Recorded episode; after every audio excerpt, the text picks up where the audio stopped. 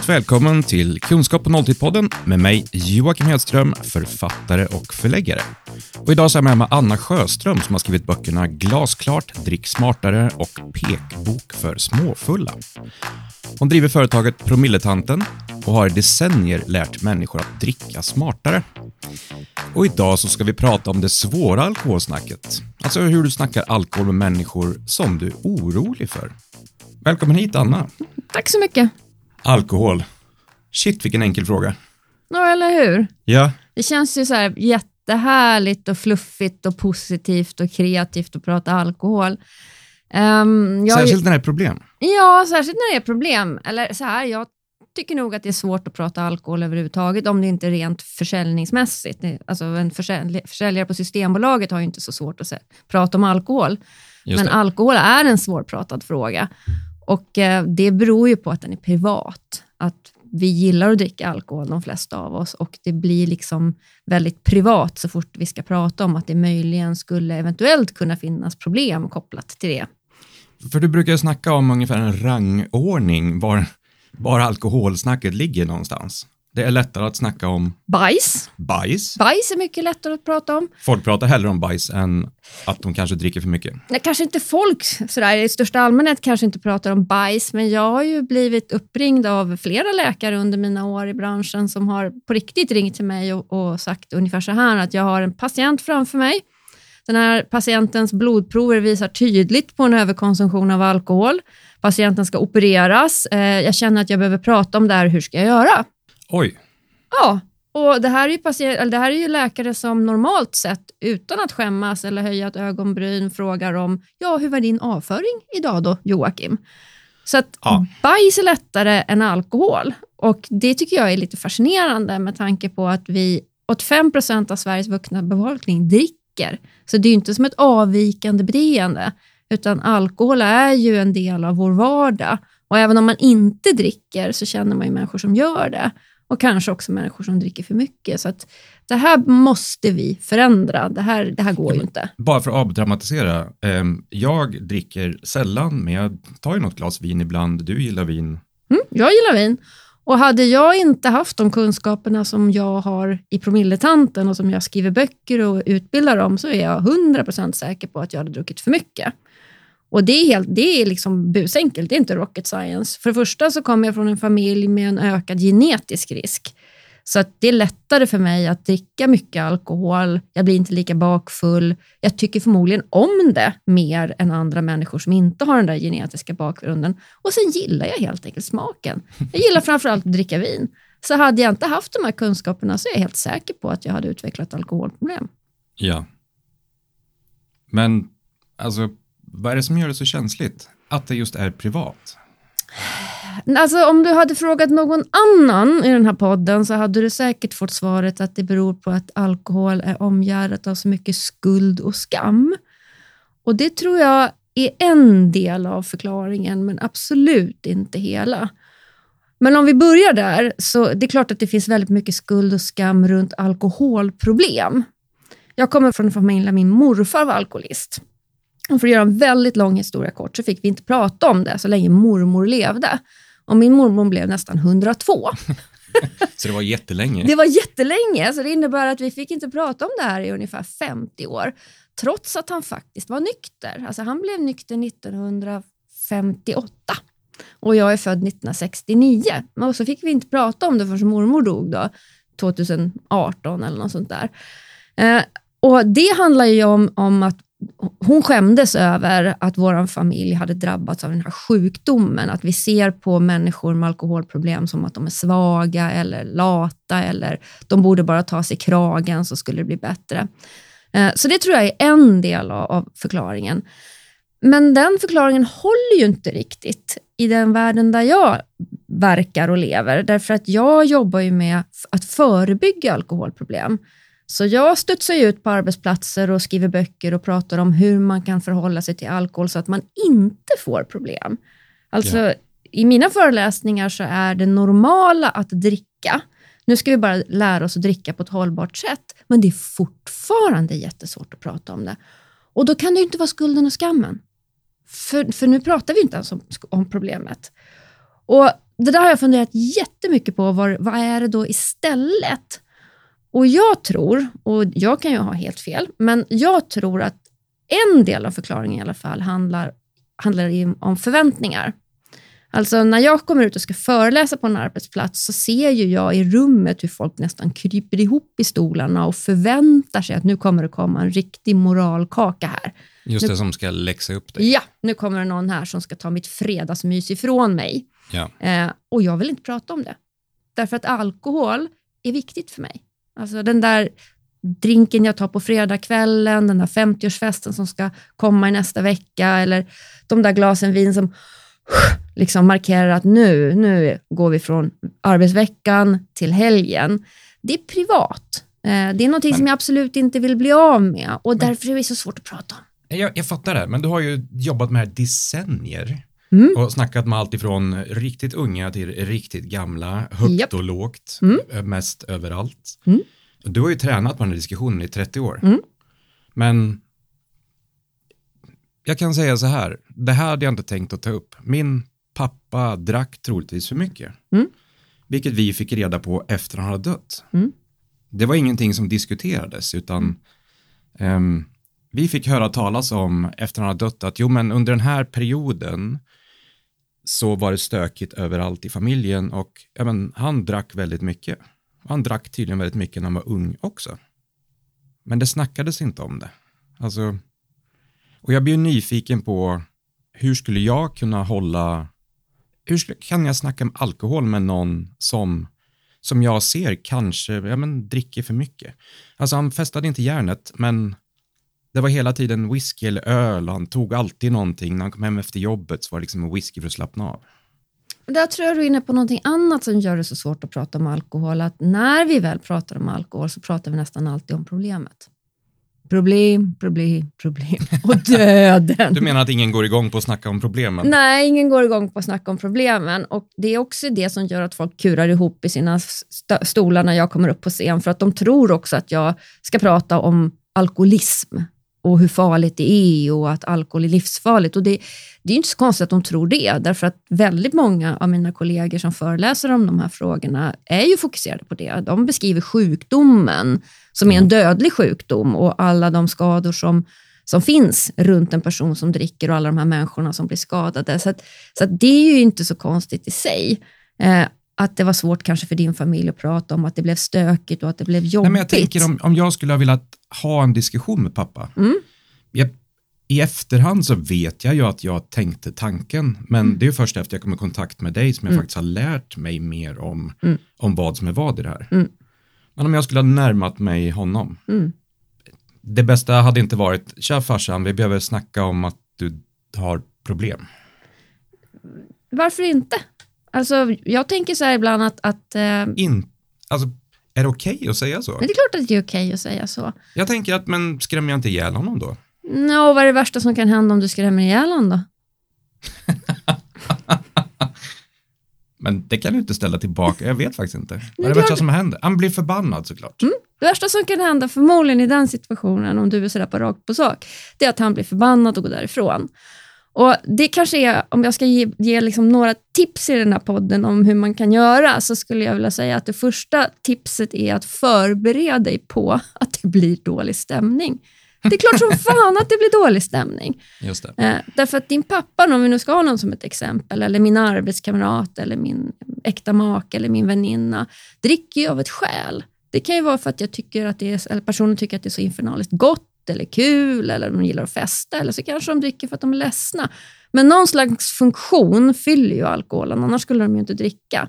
Så när du kommer traskandes där och säger, Hur du, jag vill prata om det här, jag är orolig, eh, så är det klart att du kommer att, det kommer att väcka motstånd och det kommer att bli dålig stämning.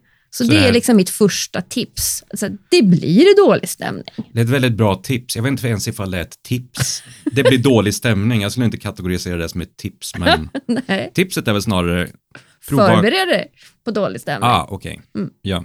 Eh, och vad är, och för, tänk också tanken, så här, vad är det värsta som kan hända? Och det värsta som kan hända i min värld som har suttit i väldigt många sådana här samtal och coachat chefer och andra för att ta sådana här samtal, det är ju faktiskt att personen ställer sig upp, säger jag vill inte prata om det här och går därifrån. Det är det värsta som kan hända. Just det. Mm. Så det lär inte vara ett samtal som pågår en gång. Nej, och det är inte ett samtal heller som kommer leda till att personen börjar dricka ännu mer. Eh, eller det kanske den gör förresten, men, men det är inte ditt, att du bryr dig om den här personen och lyfter en fråga som möjligen är problematisk är ju inte det som kommer få personen att tippa över kanten och göra något dramatiskt bara för att du säger jag bryr mig om, jag skulle vilja fråga dig om det här eller jag är orolig. För det här är ju också ett tips vad det låter som. Istället för att jag hade gått till min pappa och mer eller mindre läxat upp honom. Mm. Han, hade, han funkar lite som jag, han skulle kunna explodera i humöret mm. snabbt från ingenstans. Mm. Men om jag hade sagt, hej pappa, jag älskar dig, mm. Jag bryr mig om dig, mm. jag är orolig för dig. Mm. Och sen säger jag vad jag tänker. Och där gör ju du ett par stycken saker som är konkreta tips. Du ställer frågor istället för att påstå saker. Eh, och du använder jag-budskap. För om jag skulle säga dig, till dig så här Joakim, Joakim, du dricker för mycket. Hur känns det? Jag förstår ju vad du menar. Jag dricker ju definitivt inte för mycket. Nej, men om du gjorde det. Men jag förstår ju vad du menar. Det skulle ju verkligen vara, Joakim, du är dum i huvudet. Ja, det känns ju som en anklagelse. Men om jag istället skulle säga så här, Joakim, jag bryr mig om dig och jag är orolig och jag tror att du dricker för mycket. Det är fortfarande en anklagelse. Om, om jag nu skulle älska alkohol, man kanske inte ens behöver älska alkohol, utan det är bara den del av livet. Mm. Det är en del av livet som väldigt mycket annat för många människor. Så må du kommer och petar på mig och mm. säger just den här delen, den här är inte särskilt mm. bra. Det är det du gör ändå, fast du gör det på ett snällare sätt låter det som. Mm. Och jag säger jag. Jag är orolig för dig. Och vilket innebär att du kan ju inte svara nej. Nej, det är du inte. Ja, men jag kan men, fortfarande men, avfärda dig. Du kan fortfarande avfärda, men, men du kan ju inte, du kan ju inte säga nej, du är inte orolig. Däremot kan du ju säga nej, jag dricker inte för mycket om jag påstår att du gör det. Ja. Uh, så, att, så att, att ställa frågor jag, istället för att påstå kanske... saker uh, och att använda jag-budskap, det är ju två sådana klassiska tips när man ska ta alla svåra samtal. Ja. Uh, och, och speciellt då kanske när man ska prata alkohol. Men jag tänker mitt svar kanske också är så här, nej det gör jag inte. Jag berättar ju, jag inser ju nu 30 mm. sekunder, en minut efteråt att det här kanske är ett vanligt svar. Mm. Att konfrontera någon, jag är orolig för dig, jag tror att du dricker för mycket, och personen svarar, nej det gör jag inte. Vilket jag, det var exakt vad jag gjorde. Precis. Det var nej, jag har koll på läget. Mm. Och du sitter och ler här nu. ja. Du har kanske hört det svaret förr? Ja, jag har hört det svaret. Om jag hade fått en tio spänn för varje gång jag hört det svaret i mitt jobb eh, så skulle jag varit en rik kvinna. Det är det svaret du kan förvänta dig. Om du får svaret, ja men vet du vad Joakim, det har du ju helt rätt i. Jag dricker alldeles för mycket och jag ska genast göra någonting åt det. Då är det något som är fel. Ja. Då, då, är, då är vi ute, som min en väninna skulle säga, ute på fisens mosse. Då är det någonting som är kanonfel. Därför att det här handlar ju om att komma in och peta på någonting som den här personen håller väldigt eh, varmt om hjärtat, tycker väldigt mycket om eller upplever kanske att det är en överlevnadsstrategi eller att man använder det för att kanske klara av svåra känslor. Och här kommer du och potentiellt vill ta bort det. Mm. Så det man ska förbereda sig på, som jag skriver i min bok, är att förbereda dig på motstånd. Alltså det kommer komma motstånd. Och det är bra, därför att vad forskningen visar är att utan motstånd, ingen förändring. Motstånd är en naturlig del av förändringsprocessen. Eh, och Det spelar ingen roll om det handlar om att vi behöver dra ner på att äta jättegod mat efter julhelgerna eller börja träna eller sluta röka eller förändra en, en livsvana så kommer det komma motstånd. Det kommer komma dagar där du känner så här, vad fan, jag köpte det här gymkortet för, jag har ingen lust, jag skiter i det här. Eh, och så argumenterar du in i din skalle om varför det här var jättepuckat och varför du borde göra någonting annat istället.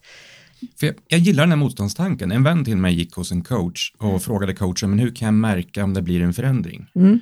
Coachen svarade, är det inte jobbigt så gör du fel, mm. mer eller mindre. Är det jobbigt så är det troligtvis någonting på spåren. Mm. Är det jobbigt så är du i en förändring.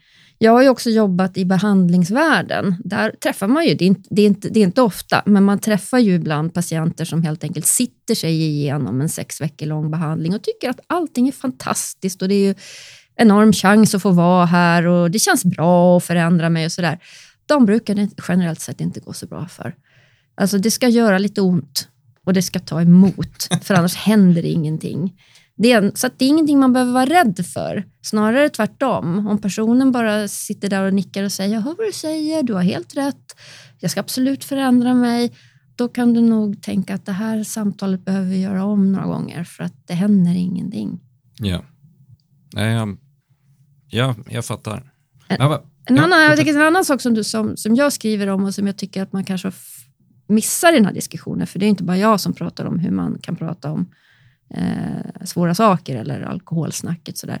Det är att jag tycker att man måste, eller måste, måste man inte, man får göra precis som man vill, men mitt tips är att man förbereder sig för det här samtalet på flera olika sätt. Eh, ett sätt kan ju vara att vara väldigt, när personen säger så här, nej det gör jag inte, så kanske man kan säga så här, fast i lördags, då fick jag faktiskt eh, ringa på en taxi för du var så full så du kunde inte ta dig hem. Och att man på en liten papperslapp faktiskt har skrivit ner ett antal incidenter. Eller förra söndagen så kunde du faktiskt inte skjutsa till fotbollsträningen som du hade lovat för du var så bakfull. Så att man har konkreta händelser att prata om. Och Det gör det lättare för personen att förstå att det är ett problem. Och Sen ska man också veta att om, det, om pratar man med en person som har allvarliga alkoholproblem så kan det faktiskt vara så att de har gjort de här sakerna i en minneslucka, så de minns det inte ens. Alltså, I deras värld så har det aldrig lagrats på hårddisken, så därför be behöver man vara väldigt konkret. Men ett annat sätt att förbereda sig på, det är faktiskt det är att fundera på hur man själv dricker. För det kommer ah. komma tillbaka som en, som en gummiboll. Ja, men du då? Eller? Ja, precis. Joakim, ah. jag tycker att du dricker lite för mycket och så säger du. Ja, men du då? Vi sågs ju igår och du svepte ju fyra glas till maten. Just det. Och har jag inte förberett mig på den här frågan och faktiskt satt mig ner och funderat på vad betyder alkohol för mig? Hur mycket dricker jag? Och hur har jag druckit ihop med dig Joakim? Då kommer det här bli jättejobbigt för mig. Mm. Eh, har jag förberett mig däremot så kan jag hålla ett öga på bollen. Så kan jag faktiskt säga så här, ja Joakim, jag dricker alkohol. Det kanske till och med är för mycket. Jag dricker med dig ibland, men vet du vad? Just nu så är inte det på agendan. Just nu så är det jag som är orolig för dig och därför vill jag att vi håller oss till den frågan. Ja. Men vad du sa nyss, alltså konfrontera kanske inte var ditt ord, men det är det jag hör i huvudet. Mm. Och nästa ord som jag hör är intervention. Mm. Flera personer samlas i ett rum, överraskar den här härliga personen med problem och säger kom, vi bryr oss om dig. Och nu sitter du och fnissar och studsar ännu mer. Ja, men du har sett för mycket amerikanska filmer. För det låter som ett helruttet sätt att hantera ett problem på. Alltså konfrontation har du nog bara hört i huvudet. För det är ja. nog ett ord som jag aldrig skulle ta i min mun. Eh, av två skäl. Dels för att jag har sysslat med det en gång i världen. Du säger så här, du har jobbat med det i decennier. Ja, det har jag. Har jag gjort alla misstag som finns i boken? Jajamän. Konfrontation är en av dem. Konfrontation fungerar inte. När människor känner sig rädda eller utelämnade eller pressade till att göra en förändring så kommer de inte göra förändringen. För att man ska locka in till en förändring behöver man känna sig trygg och älskad och sedd. Så konfrontation är ingen grej. Check. Men, check. Men det du har sett, du har sett amerikanska filmer med interventioner, gammaldags interventioner de kallades för the Johnson model och då var det faktiskt så att man lurade personen med alkoholproblem och så sa man, kan inte du komma och dricka kaffe i eftermiddag hemma hos mig? Och sen när man kliver in genom dörren så sitter mamma och pappa och syskonen och alla vännerna och så får man sätta sig i mitten och så får alla de här människorna då säga Joakim, jag är jätteorolig för dig, ditt, ditt drickande, du fattar inte att du håller på att super ihjäl dig. Och, så, och det kommer ju från kärlek. Det kommer ju från kärlek och omsorg, men, men tänk dig själv att sitta där i mitten av den där cirkeln och bara få höra hur mycket du har skadat andra människor och extre, extremt oroliga de är för dig. Eh, det görs ju fortfarande. Jag, jag, hade ju nycklat deras bilar. Jag hade sprungit ut, mm. jag hade nycklat deras bilar mm. och sen hade vi inte snackat på två år. Nej. Det är min reaktion, på riktigt. Absolut, och det leder ju till att familjer splittras, att kontakten bryts, att man aldrig mer pratar med varandra. Så att den där Johnson Model, den, den används inte så jättemycket Det längre. är så fint att den har ett modellnamn också. Ja. Jo, men jag jobbar enligt den här modellen. Ja. Men det finns nog folk som jobbar med The Johnson Model fortfarande, lite sådär också i Sverige, men utan att liksom riktigt veta om att det är en modell. Eh, tittar man på vad Socialstyrelsen rekommenderar, eh, och, och det är ju ändå, tycker jag, lite fint med det här med Sverige och Socialstyrelsen, som talar om Eh, alltså, de, de går ut och rekommenderar olika metoder för behandling av olika sjukdomar. Alltså, hur ska man behandla mässlingen? Hur ska man behandla diabetes? Hur ska man behandla beroendesjukdomar? Så nämner de faktiskt en sån här interventionsmodell eh, som forskningsbaserad, att den faktiskt fungerar. Och Den heter The Arise Model. Det finns knappt någon i Sverige som jobbar med den. Men det intressanta med den är att den bygger på kärlek och total öppenhet. Så att det här första mötet, det bjuder man in till. Helt öppet så bjuder man in personen med beroende eller med alkoholproblem och så säger man, vi kommer bjuda in dig till det här mötet, det kommer att ske på lördag klockan tre, de här människorna kommer att vara där och syftet är att vi vill hjälpa dig. Och sen så möter man den här personen bara med kärlek, kärlek och mera kärlek. Och den har en mycket, mycket högre success rate. Det är mycket fler som väljer att, att faktiskt ta hjälp och, och, kanske åka på behandlingshem eller ta hjälp av en, någon som professionellt kan hjälpa dem, än den här interventionen som, som bygger på The Johnson model. Ja, för jag tänker att om jag skulle, om jag tycker att du har problem, mm. du köper för mycket kläder, det kan vara precis vad som helst. Du behöver ju inte vara medveten om det, du behöver Nej. inte hålla med mig. Nej. Så att just konfrontera känns helt knas. Och mm. visst, om jag, jag är rädd för att ta alkoholsnacket mm. med dig, mm. Men du kanske inte är medveten, du kanske inte håller med just om att du har problem. Vilket också antar jag är bra att veta om. Mm. Jag kanske inte ens har problem. Det kan... jag har haft fel förr. Ja, och det tror jag det är en av de stora rädslorna. När jag jobbar med chefer så är jag ju nästan alltid deras, det första samtalet när de ringer och så säger de så här, vi, jag är orolig för, för um, Nisse för att han dricker, vi tror att han dricker för mycket. Och ja, då frågar jag, hur, hur, vad har ni sett för beteende? Då? men han kommer för sent mycket, det är mycket måndagsfrånvaro, han har luktat alkohol och så här. Och så slutar nästan alltid samtalet med, men det kanske är något annat. Ja. ja du vet, hans fru har ju lämnat honom. Ja, Absolut. För det här snackar vi om i ett annat poddavsnitt, just hur kan jag veta att jag dricker för mycket, eller mm. hur kan jag veta att någon annan dricker för mycket? Mm. Så det är ju en befogad mm. fråga som jag inte ens har tänkt på. Nej, och det kanske är så att jag har fel. Det kanske är så att du har ångest. Det kanske är så att det ligger en separation i, i, i, liksom, i busken och lurar eller att det har hänt någonting med dina barn. Alltså det är någonting som är off. Du kanske håller på att få en depression. Så det behöver ju inte vara alkohol. Det du gör det är att du, du, du visar att du bryr dig om. Och det är därför den här dokumentationen är så viktig. Är det alkohol så, så är det ju viktigt att faktiskt ha ett antal exempel på beteenden som skulle kunna tyda på att det är alkohol. Ja. Eh, och sen, och sen om... även om det är alkohol så behöver det nödvändigtvis inte vara beroende. Alltså när jag jobbade i Försvarsmakten för hundra år sedan så hade vi ett antal unga eh, officerare som gjorde bort sig något grönjävligt med alkohol. Alltså de spydde på flottbesök och de eh, alltså kom fulla till jobbet och de gjorde jättetokiga saker som definitivt var alkoholrelaterade. Och det Försvarsmakten gjorde då var att de skickade dem på behandlingshem i fem veckor. Och där satt de här 23-åriga, 24, 25-åriga killarna och sa så men jag är inte alkis. Och då sa behandlaren, det är du visst det. För det var det enda verktyget vi hade i verktygslådan. De var inte alls alkisar. Men de hade gjort bort sig. Och det är ju allvarligt nog, så att vi behöver ju också differentiera. Liksom, alkoholproblem är ju inte en enda sak. Det kan ju vara en period i livet att, att du dricker för mycket av olika skäl och sen tio år senare så kan du dricka alkohol utan att det är ett problem.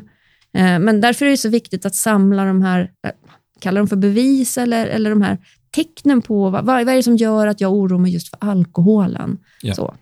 Sen kan man gå till någon annan som hjälper till att reda ut om det är alkohol eller inte. Det, är liksom, det finns ju hur mycket professionellt folk som helst som kan hjälpa till med den. Ditt jobb som vän eller anhörig, det är ju att föra upp agendan. Ja. Att faktiskt börja våga prata om det. Så om vi ska summera lite tipsen, för vi börjar närma oss slutet av avsnittet. Vad kan jag göra? Eh, jag har har en gammal vän vars bror eh, dog i missbruk eh, efter många, många år. Och Han fick den här frågan, vad ska man göra? Många, många gånger i, radiointervjuer och tv-intervjuer och sådär. Och han brukade alltid säga så här, ehm, gör vad som helst. Bara du gör något.